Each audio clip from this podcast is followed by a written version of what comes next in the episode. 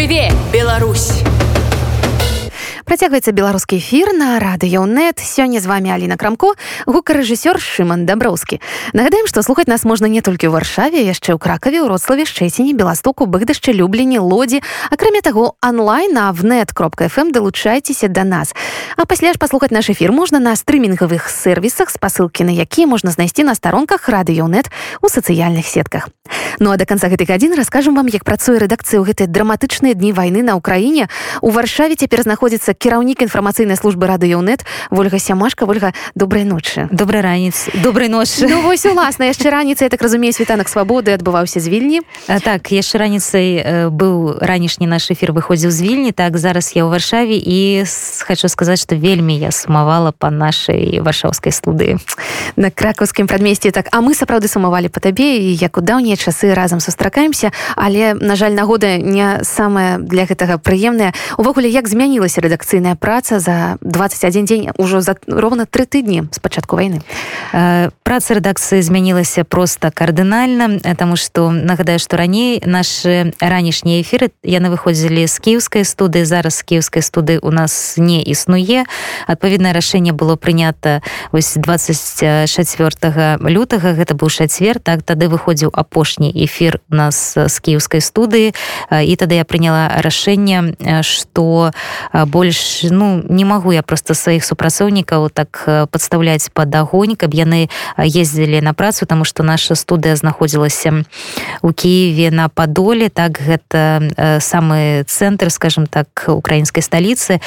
І людзі ездзілі з іншых куткоў Киева і вось апошні эфир наш вёў Андрусь гаёвы.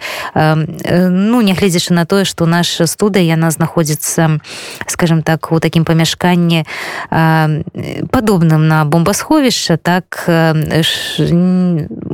так можа быць там небяспеч бяспечна так там можа знаходзіцца але ўжо калі Андрусь вяртаўся я з ім размаўляла і ён казаў што ўжо былі адчуваць выбухі. Вось і таму было прынята рашэнне што па супрацоўніках яшчэ тады нічога не было зразумела. Але я ўжо сказала што не трэба ездзіць праз увесь кіў на працу і таму зараз нашы ранішнія эфиры пакуль выходзіць з вільні дзе так стала скажем знаходжуся я.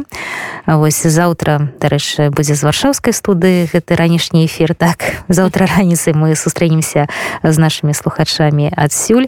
І зараз паколькі супрацоўнікі нашы яшчэ некалькі дзён знаходзіліся ў Киеве так яны здаецца на 30 і на чацвёрты дзень выехалі і хочу сказаць что Андрей Андрусь ён яшчэ да гэтага часу знаходзіцца ва ўкраіне пераехаў ён у такое бяспечнае месца ў заходнюю Украіну і па сутнасці з'яўляецца нашим украінскім корэспандэнтам як калегі мне казалі что ёсць такая пэўная зайздрасць так таму что што не ўсе зараз маюць корэспандэнтаў ва ўкраіне і шукаюць тых журналістаў якія там засталіся.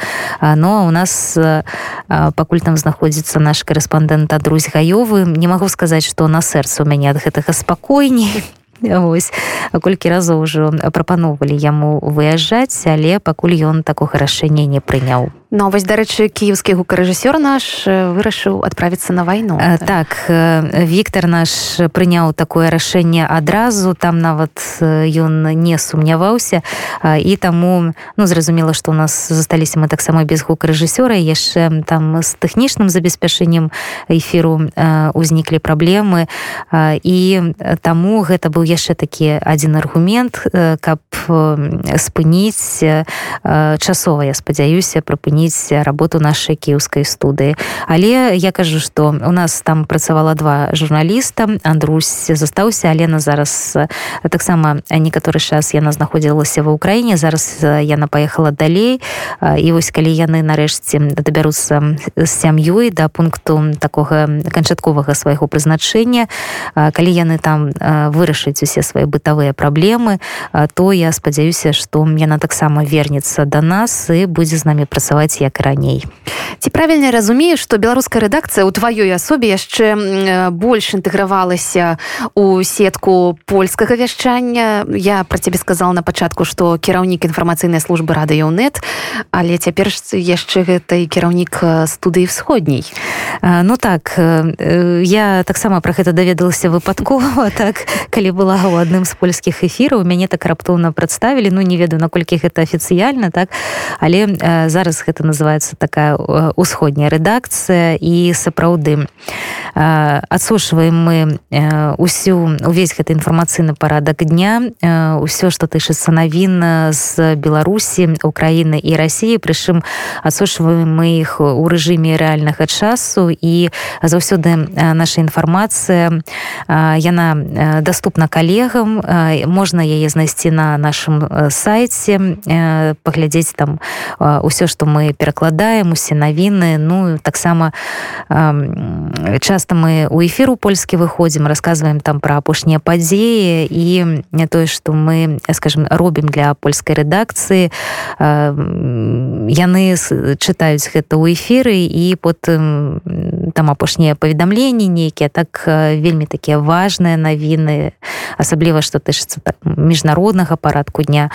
Вось яны гэта выкарыстоўваюць і сапраўды працы зараз вельмі прыбавілася яшчэ адзін выклік для журналістаў гэта канешне фільтрацыя інфармацыі.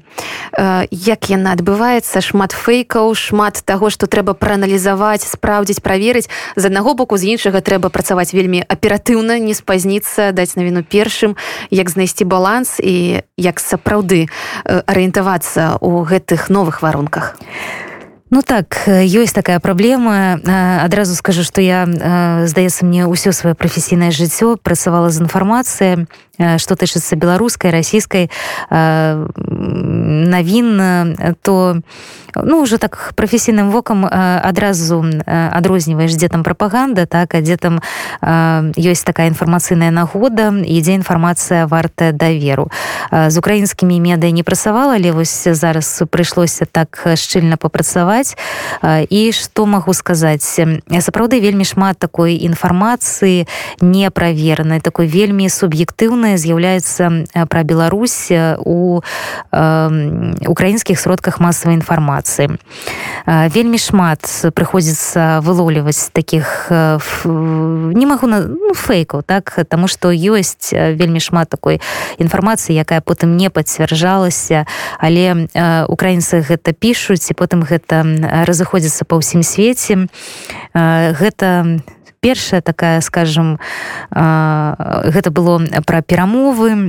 Калі быў першы раунд украіна расійскіх перамоваў вось у нашай дзень тады у гомельскай вобласці праходзілі на мяжы у ля ракі прыпяць так і тады вось я адсушвала гэту інфармацыю і вельмі здзіўлялася калі я ведаю што перамовы яшчэ ідуць так а ўжо там некалькі украінскіх сМ напісалі што ўсё яны там закончыліся гэтай перамовы. Адзін раз была такая інфармацыя потым мне здаецца яшчэ беларусы гэта перадрукавалі беларускія тэлеграм-каналы.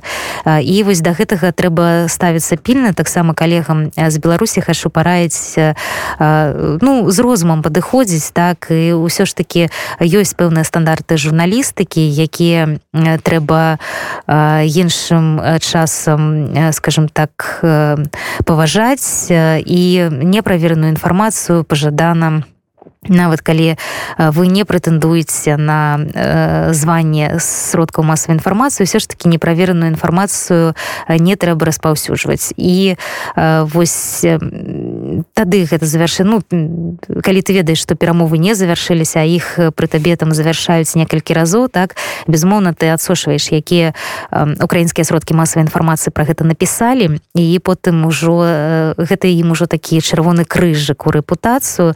Вось і да прыкладу такая ж у мяне інфармацыя такі ж падыход у мяне быў вось калі былі падзеі ў Казахстане так таксама прыйшлося знаёміцца з казахстанскім э, рынкам сродкаў масавай інфармацыі. І і таксама ну такая сістэма крыжыкаў так?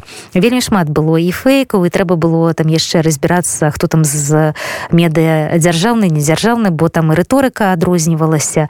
Восьось і тады ўжо абкатала гэту методыку скажем так і ўсё. І ты ўжо бачыш кому ты можаш давяраць так? Калі ўжо два бана пайшло то ўсё гэта ўжо не вартая даверу сМ ну і вельмі шмат было таких неправераных інфармацый гэта што тычыцца прысутнасці беларускіх вайскоўцаў на тэрыторыі Украіны мне здаецца ну ледзь не сем разоў я чула так про тое что беларускія войскі ўжо ва ўкраіне А калі пачынаеш спраўжваць гэтую інфармацыю то нейкія там дзіўныя крыніцы але гэта падавалася як некая такая сенсацыя что ўжо ўвайшлі там спасылкі былі на нейкіх там бабуль у вёсках. Ну а потым высвятлялася что нават і афіцыйныя украінскія ўлады так яны паведамляюць про тое что ну афіцыйна яны не могуць заявіць э, пра тое што беларускія войскі ва ўкраіну увайшлі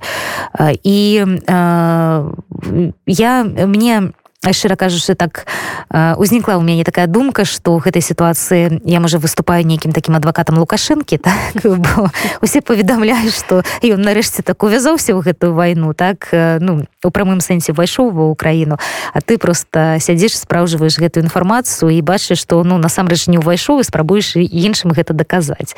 Вось але я яшчэ раз паўтаруся што інфармацыя яна павінна быць праверанай тому что э, не правіновасці і зараз так э, па украінскіх каналах пайшла гэта інфармацыя пра абстрэлы так пра вось выбухі у баранавішах лунінцы і дзе там яшчэ у слоне здаецца так.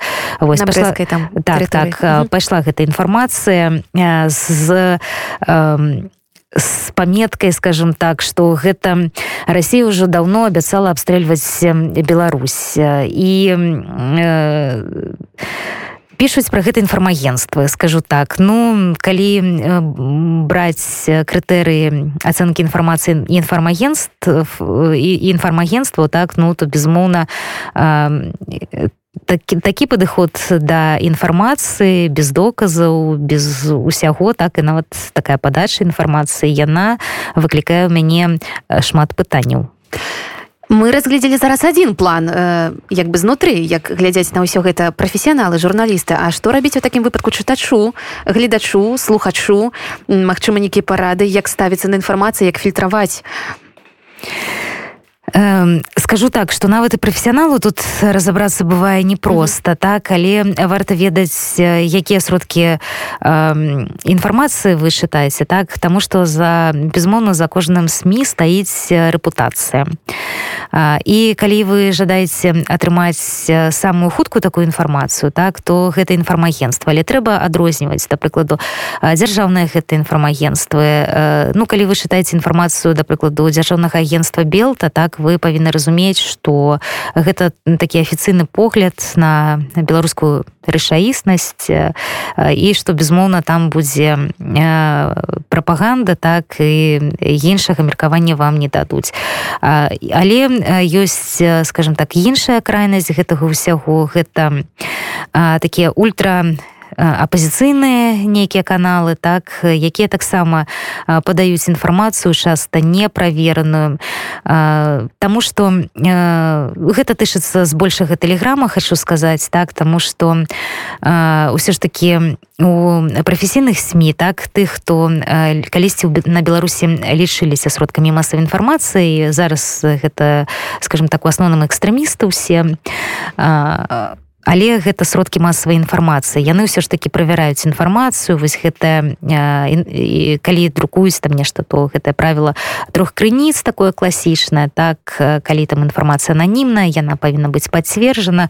Яны ўсё ж таки блюдуць гэтыя стандарты. А тэлеграм-каналам яны ну вось як я бачу яны пакуль яны можа самі не жадаюць прэтэндаваць на тое што яны сродкі масавай інфармацыі.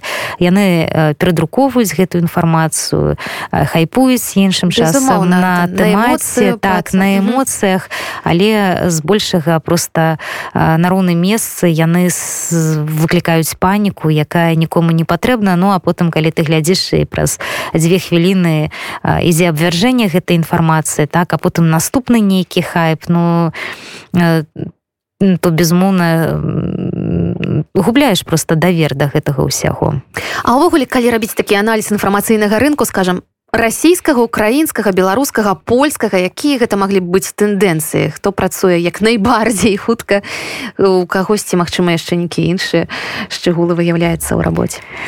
Ўсё залежыць за таго якую інфармацыю падаваць. Як я заўсёды кажу што да прыкладу ўсю афіцыйную інфармацыю так лепш браць з нейкіх там афіцыйных інфарм ну інфармагенц так тому что ну па-першае усе астатнія не маюць доступу до такой інфармацыі так калі да прыкладу штосьці там тычыцца беларускай улады афіцыйнай беларускай улады так то першы доступ да гэтай інфармацыі мае інфармацыйнае агентства белта а потым астатнія гэта ўсё просто перадрукоўваюць і іншым чынам іншым часам яны гэта перадрукоўваюць яшчэ з нейкімі сваімі аўтарскімі каментарыямі і там потым складана зразумець что там было ад пачатку выпадку так а, а калі гэта яшчэ там і пераклад на нейкую іншую мову там увогуле складана знайсці канцы зразумець што ж там насамрэч мелася на увазе тое самае тышыцца і расійскіх інфармагенств то бок яны даюць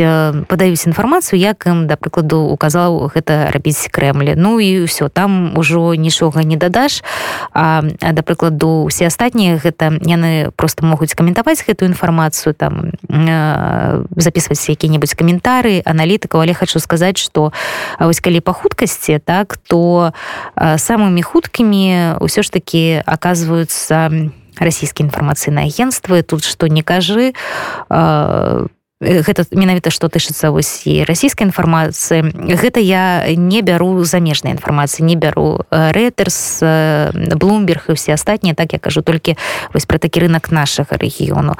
Што калі у да прыкладу якаясь там інфармацыя тычыцца ну нават зяленскага так калі паглядзець то расіяне яго адпісваюць адпрацоўваюць першымі так. Толькі гэта потым з'яўляецца недзе ўжо у ва ўкраінскай стужцы. Таму у не хочу тут займацца прапагандай да калі вось калі ну насамрэч для вашай працы ці там можа гэта ваша хобі так хутка атрымліваць інфармацыю і трымаць руку на пульсе то я магу сказаць что можна подпісацца на іх тэлеграм-каналы. Але і тэлеграм-каналы я думаю что ў нашым рэгіёне гэта такі адзіны доступны пункт тому что вось я зараз напрыклад сяжу у літве так звычайны час. І сайты сайты ўсіх гэтых усіх хто прызнаны у рассіі прапагандыстамі так яны ўжо з літвы не открываюцца так таму вось риа новости рбк мне здаецца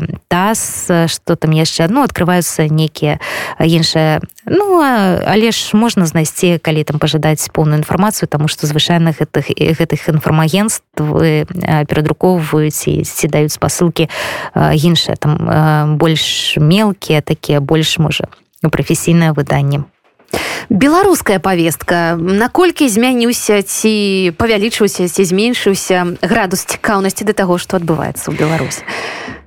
Я хочу сказаць что беларуская повестка так э, ну як тут кажуць что лукашенко ён просто не дае пра сябе забыць так ён калі нават гэтая тэма яна сыходзіць на нейкі там бэк то звычайна здараецца что-нибудь такое пасля чаго беларусі зноў на першых паласах газет так і все пра Беларусь кажуць ну вось я так было і з пасадкай бойнага так потым з мігранцкім крызісам было дарэчы таксама ну вельмі шчыльна мы яго адпрацоўвалі і тады было быў такі вялікі запыт на тое што ж пішуць у самой беларусі што кажуць у самой беларусі на гэтую тэму Таму што паколькі контент такі рускамуны так і зараз іх гэта ваеннай тэматыкі тычыцца то зразумела што на захадзе ну не ўсе зразумеюць гэтага разумеюць і да прыкладу цяжка э, калі там глядзець расійскае тэлебачанне то замежніку увогуле цяжка патлумачыць что там кажуць так? А вось я займаюся перакладамі э, частковых гэтых навін для польскай рэдакцыі і хочу сказаць что да прыкладу э, расійскую дыпламатычную мову Сергея лаўрова я перакласці мне вельмі складана так? Тому что там гэта все так неяк віці вата так? Ўсё гэта і дарэчы лукашенко таксама складана перакладаць так тому что а там такая плынь свядомасці э, часто там усё гэта абрываецца і таму э, знайсці там зразумець напрыклад на рускай мове што ён кажа гэта складана ад слова увогуле так а перакласці гэта яшчэ на нейкую замежную мову это ўдвая складанне і каб яшчэ людзі зразумелі так бо было ж ужо у мяне так пыталі што ён кажа.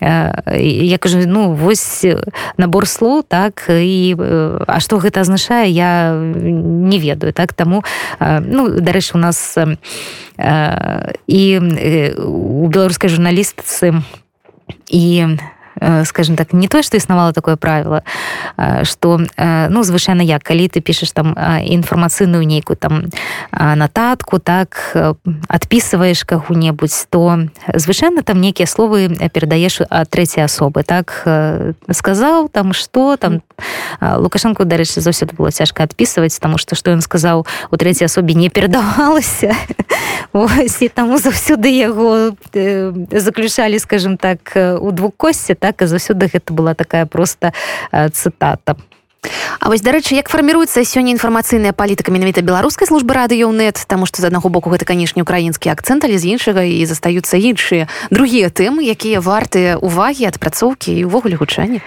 так сапраўды нягледзячы на тое што э, зараз ідзе вайна ва ўкраіне мы гэту тэму таксама вельмі шчыльна адпрацоўваем таму што э, вельмі шмат у гэтай вайне завязана на беларусаў так? Ну і па-першае вось гэты э, удзел беларусі. У военной аперацыі. Гэта такі палітычны вайсковы аспект так? Потым э, вельмі шмат беларусаў жыло э, у киеве э, і як людзі эмігруюць як людзі хаваліся падчас вайны. Гэта ўсе гісторыі мы э, расказваем у нашым эфіры э, таму што на самом деле складанасцей э, вельмі шмат. Нават тое што беларусам ва ўкраіне пазаблакавалі банкаўскія карткі так таксама гэта такая тэма якую трэба вырашаць з дапамогай журналістаў.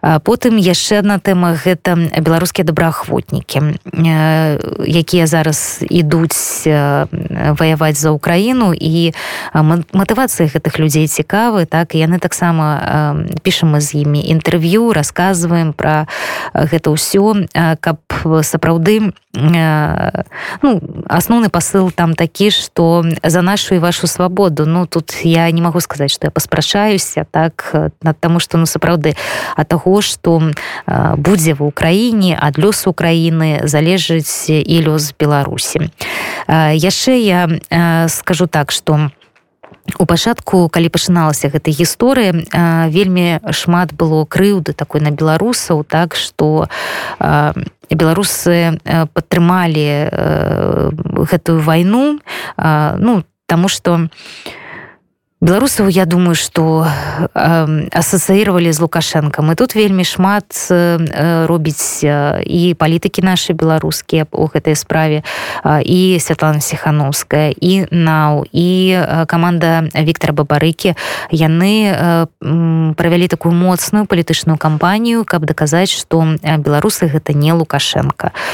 Потым э, вельмі зараз антываенны вось гэты рух набірае абароты які э, падтрыманы таксама быў штабамі усімі палітыкамі і беларускія журналісты таксама яны скажем так сядзелі абураліся чаму вось пра беларускія ініцыятывы нічога не гучыць ва ўкраінскім эфіры mm -hmm. Таму што ініцыятыў шмат Ну і па-першае і пачынаючы ад добравольцаў добраахвотнікаў гэтых якія ідуць на фронты потым што байсол збірае дапамогу і потым якую дапамогу аказваюць у Польшчы ці ў літве беларускія дабрачынныя асацыяцыі украінцам таких ініцыятыў было вельмі шмат і гэтая тэма увогуле украінцы скажем так яе ігнаравалі. І тады нарадзілася такая ініцыятыва каб прабіцца у гэты украінскі эфір. Была сабрана такая група журналістаў куды скідваліся усе навіны ўсё што тышылася вось таких беларускіх праектаў. І хочу сказаць что зараз мяркуючы па таму што я бачу у стужцы украінскіх навін гэтая тэма загучала тому что сапраўды гэта варта даносіць что беларусы гэта не лукашенко что улада у беларусі яна таксама збольшага акупацыйная і таму не варта усіх скажем так не лічыць за тых хто падтрымлівае гэту вайну. І бачыла я ўжо таксама выступленне у на украінскіх тэлеканалах і беларускіх палітыкаў так і беларускіх добраахвотнікаў. І я думаю что людзі зразумеюць і спадзяюся что гэтая праца яна будзе продолжацца Вось дарэчы ізноў десяткі наших калег другі раз некаторыя мяняюць свой дом. Многія былі у Киеве вымушаны былі з'ехаць я так разумею што ў вільні некаторыя засталіся на твою думку як гэта можа паўплываць увогуле на інфармацыйную карціну беларускіх сМ незалежных сМ і знову гэтая краіна якая журналісцкая краіна якая фарміруецца ў выгнанні ў чарговы раз. Так сапраўды Барыс гарэцкі гэта намеснік старшыні бажа. Так ён актыўна займаўся дзейнасцю ва ўкраіне там скажем так збіраў вакол сябе беларускіх журналістаў якія прыехалі сапраўды вельмі шмат баж зрабіў для таго каб і дапамагчы з легалізацыяй і з пошукам працы. І нават мне здаецца яны там і жыллё шукалі. І зараз барыс знаходзіцца ў вільні і кажа што беларускія журналісты шмат калег пераехала з Киева хто ў вільню хто ў Польшу. Але некаторыя засталіся э, прынцыпова засталіся так таму что яны працуюць не толькі на беларускія выданні так яны працуюць на замежныя выданні так таму гэта быў іх такі свядомы выбор. Вось і зараз э, такі асяродак кіўскіх журналістаў так ён перабраўся зараз у вільню ну і спадзяемся что там таксама удастся удастся нешта такое зрабіць тому что жыццё беларускіх журналістаў скажем так у Киеве бурліла. Вось шмат было ініцыятыў. Не могу сказаць что вельмі гэтага не хапала так але такой актыўнай журналісцкай тусовкі там не было. Але зараз вось людзі пераязджаюць актыўныя людзі пераязджаюць со сваімі ідэямі со сваімі праектамі. І ну паглядзім. Буду сашыць за гэтым за гэтымі тэндэнцыямі абавязкова нашым эфіры про гэта раскажу. Калі трошки пра асабіста як змянілася ўласна твоё жыццё таму что я так разумею что гадзін не то что каб на адпачынак на сон не стае. Так ну сапраўды вось апошнім часам так лаўлю э, э, сябе на думцы что сон у маім жыцці гэта уже такое нешта лішняе так? Вось гэтыя чатыры гадзіны якія ў суткі ўдаецца паспаць что можна было б не спаць так? Можна было б там яшчэ папрацаваць чатыры гадзіны не ведаю что за гэта ну шмат можна было за гэты час ўжо зрабіць але сапраўды часу стала э, не хапаць тому что э, Э, просто інфармацыйны інфармацыйная плынь яна стала такой шчыльнай так что просто гісторыя яна э, стала э, развівацца з такой хуткасцю што здаецца не паспяваеш тому что ну я ж заўсёды э, заўсёды была ў цэнтры інфармацыі так ведала там дзе што адбываецца а зараз калі ты просто ўжо гадзіну не паглядзіш э, і не адсушыш гэтую інфармацыю ты просто выпадаеш з гэтага парадка дня так? Тому что там э, за гадзіну э, гісторыя можа змяніцца так э, гэты інфармацыйны парадак можа змяніцца так что ты і не пазнаеш нават увечары вечары таго што была раніцай то бок немагчыма ні з чым параўнаць тое што якія выклікі зараз для журналістаў скажем тваёй працы ці можна хоць чым-небудзь ось так прыгадаць нейкую паралель правесці ну, я думаю что э, такая ж самая гісторыя вось была э, у двадцатым годзе так mm -hmm. калі вось э, сітуацыя да выбараў на беларусі і вось ўсё што адбылося пасля выбараў там таксама беларускія журналісты працавалі э, і дзень і ноч і не ели і не пілі так таму что э, тады гэта было э, ну з улікам таго што гэта адбывалася на радзіме так гэта тады было скажем так на такім драйву. І гэта было просто цікава і ты просто не заўважаў як ты э, ад гэтага ўсяго адмаўляешься а зараз у просто э, вось калі браць напрыклад з лістапада просто падзе развіваецца з такой хуткасцю так? Спачатку вось гэты мігрантскі крызіс там было не невядома што з гэтым будзе. Потым э, здаецца вось мы так адсвяткавалі новы год э, выпілі шампанское потым адразу там здарыўся Казахстан. Таксама такая сітуацыя незвычайна адсошвалі ўсе і дзень і нож і прыйшлося там з казахстанскімі калегамі э, звязвацца. Тут здаецца адышлі ад Казахстана так тут здарылася Украіна. Я ўжо нават баюся загадваць так что там будзе далей тому что прадказаць усё гэта немагчыма. С калі вось з пункту гледжання прафесійнага так ну цікава за гэтым назіраць так тому что ну не кожнаму выпадае Э, скажем так э, удача так жыць э, у такі час але з іншага боку вось масына цяжка так тому что ўсё ж таки прыходзіцца адпрацоўваць розныя тэмы і тэмы калі гінуць людзі так. Вось калі сёння вельмі такая складаная інфармацыя была про тое что пра вось той что разбомбілі бомбасховішча тэатр ва ўкраіне там былі людзі дзеці калі ты бачыш гэтыя фотаздымкі калі ты бачыш гэтае відэа ты разумееш что ну можа іншым часам і патрэбна ісці да псіхолага. Але ну журналіста просто псіхіка так уладкавана так что спачатку ён адпрацуе Вось а толькі потым яго пачынае адпускаць і яму патрэбна там нейкая прафесійная дапамога. Зараз вось мы знаходзімся на той стадыі калі мы адпрацоўваем ольга дзякуй вялікі. Сустрэцца з табой на хвалях радыёнет можна будзе праз некалькі гадзін літаральна. Так праз не запрашаю. Так тых хто за мной не спіць уначы тых хто са мной не будзе спаць ранкам запрашаю усіх далучацца до нашай хвалі. Чалавек які з'яўляецца рухавіком папросту беларускай службы радыёнет стварае для нас навіны стварае для нас настрой стварае для нас натхнення ольга сямашка кіраўнік беларускай студыі радыёнет была разам з намі. Наш эфир працягваецца да першай ночы мы з вами тут на нашай хваль шано гаспадарства не губляйцеся